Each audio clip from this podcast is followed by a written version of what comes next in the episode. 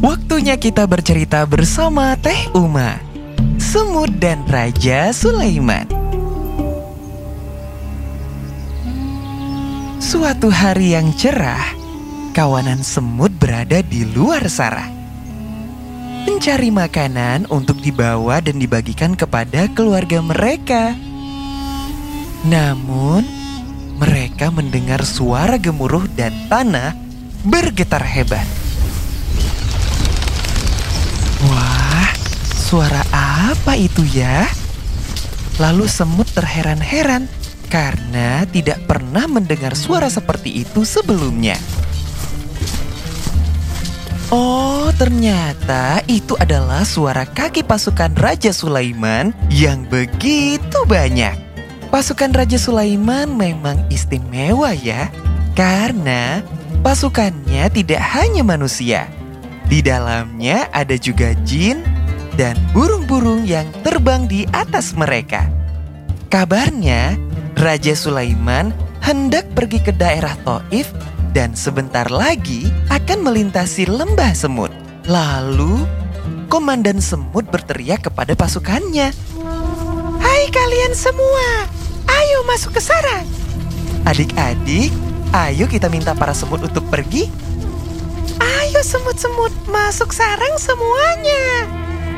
Komandan semut berteriak kembali. Pasukan Raja Sulaiman akan datang melewati tempat ini. Masuklah ke sarang kalian agar kalian tidak terinjak-injak. Sebab mereka tidak sadar dengan kita. Wah, suara semut tentu kecil sekali ya. Tapi ternyata bisa didengar oleh semua semut yang ada di sana. Hebatnya lagi, semut itu makhluk Allah yang sangat disiplin. Ketika mereka mendengar perintah tersebut, semut-semut ini segera berbaris rapi menuju sarang mereka. Tidak berlari, apalagi hanya menyelamatkan diri sendiri. Rupanya Raja Sulaiman bisa mendengar suara sang komandan semut ini. Berhentilah sebentar. Kita beri waktu bagi makhluk Allah untuk menyelamatkan diri. Perintah Raja Sulaiman kepada pasukannya. Nah, di saat itulah kemudian Raja Sulaiman menyadari betapa luar biasa nikmat yang sudah Allah berikan. Kerajaan yang begitu besar, kekuasaan yang sangat kuat, kekayaan yang sangat berlimpah, serta keistimewaan untuk bisa memahami bahasa binatang.